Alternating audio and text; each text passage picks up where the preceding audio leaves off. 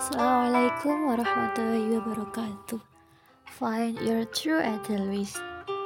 Yang pertama, biarkan saya berterima kasih kepada Tuhan pencipta saya, Allah Subhanahu wa taala.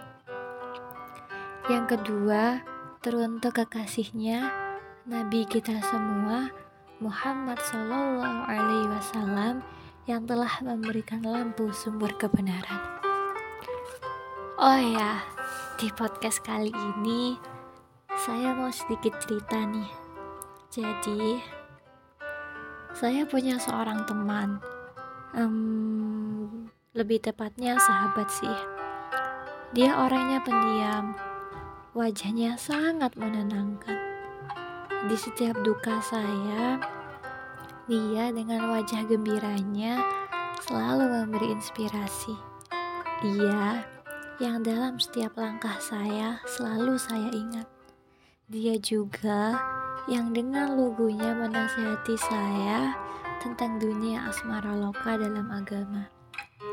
Pernah suatu hari saya bercerita ke sahabat saya bahwa saya menyukai seorang pria yang alim dan pintar ilmu agamanya.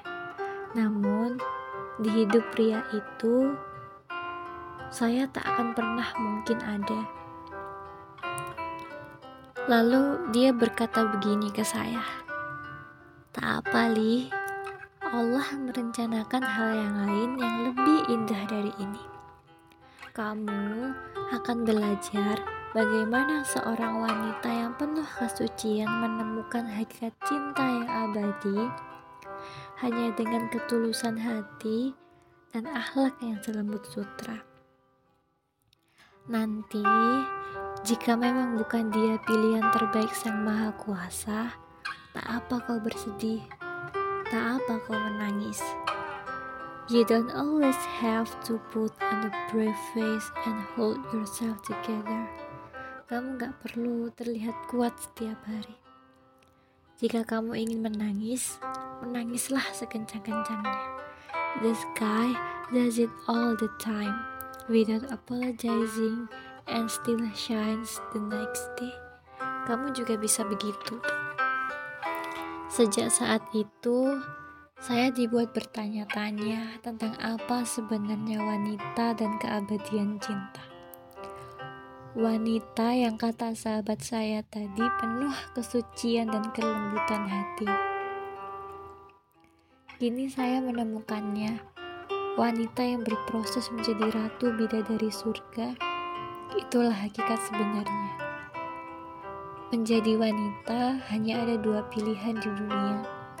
Menjadi sebaik-baiknya perhiasan atau menjadi sebesar-besarnya fitnah. Saya pernah dengar sebuah cerita kira-kira begini. Ada seorang sufi dari kalangan wanita yang kecintaannya kepada Allah tidak diragukan lagi. Namanya Robiah Al-Adawiyah. Wanita suci yang memilih untuk tidak menikah lagi karena hatinya dipenuhi kecintaan kepada Allah Subhanahu wa taala. Suatu ketika beberapa ulama besar bahkan seorang sufi hendak melamar beliau. Lalu Robiah bertanya, "Siapakah di antara kalian yang paling alim?" Lalu ulama tersebut menunjuk laki-laki bernama Syekh Hasan. Berkatalah Rabi'ah kepada Hasan, Bila kau sanggup menjawab empat pertanyaan yang kuajukan, maka aku bersedia menikah denganmu. Yang pertama, bila aku mati, kiranya aku mati dalam keadaan husnul khatimah atau sul khatimah. Kedua, di alam kubur nanti, bisakah aku selalu menjawab pertanyaan malaikat mungkar dan nakir? Yang ketiga, Kelak di padang mahsyar, saat pembagian buku amal, aku menerimanya dengan tangan kanan atau tangan kiri. Keempat, ketika semua diputuskan, hasil akhir akan dinyatakan. Lantas manakah yang aku masuki, surga atau neraka? Pertanyaan tersebut tidak bisa dijawab oleh Hasan Al-Basri. Karena itu sesuatu yang samar dan bersifat rahasia. Hanya Allah yang tahu. Akhirnya, mereka pun pulang dengan rasa malu.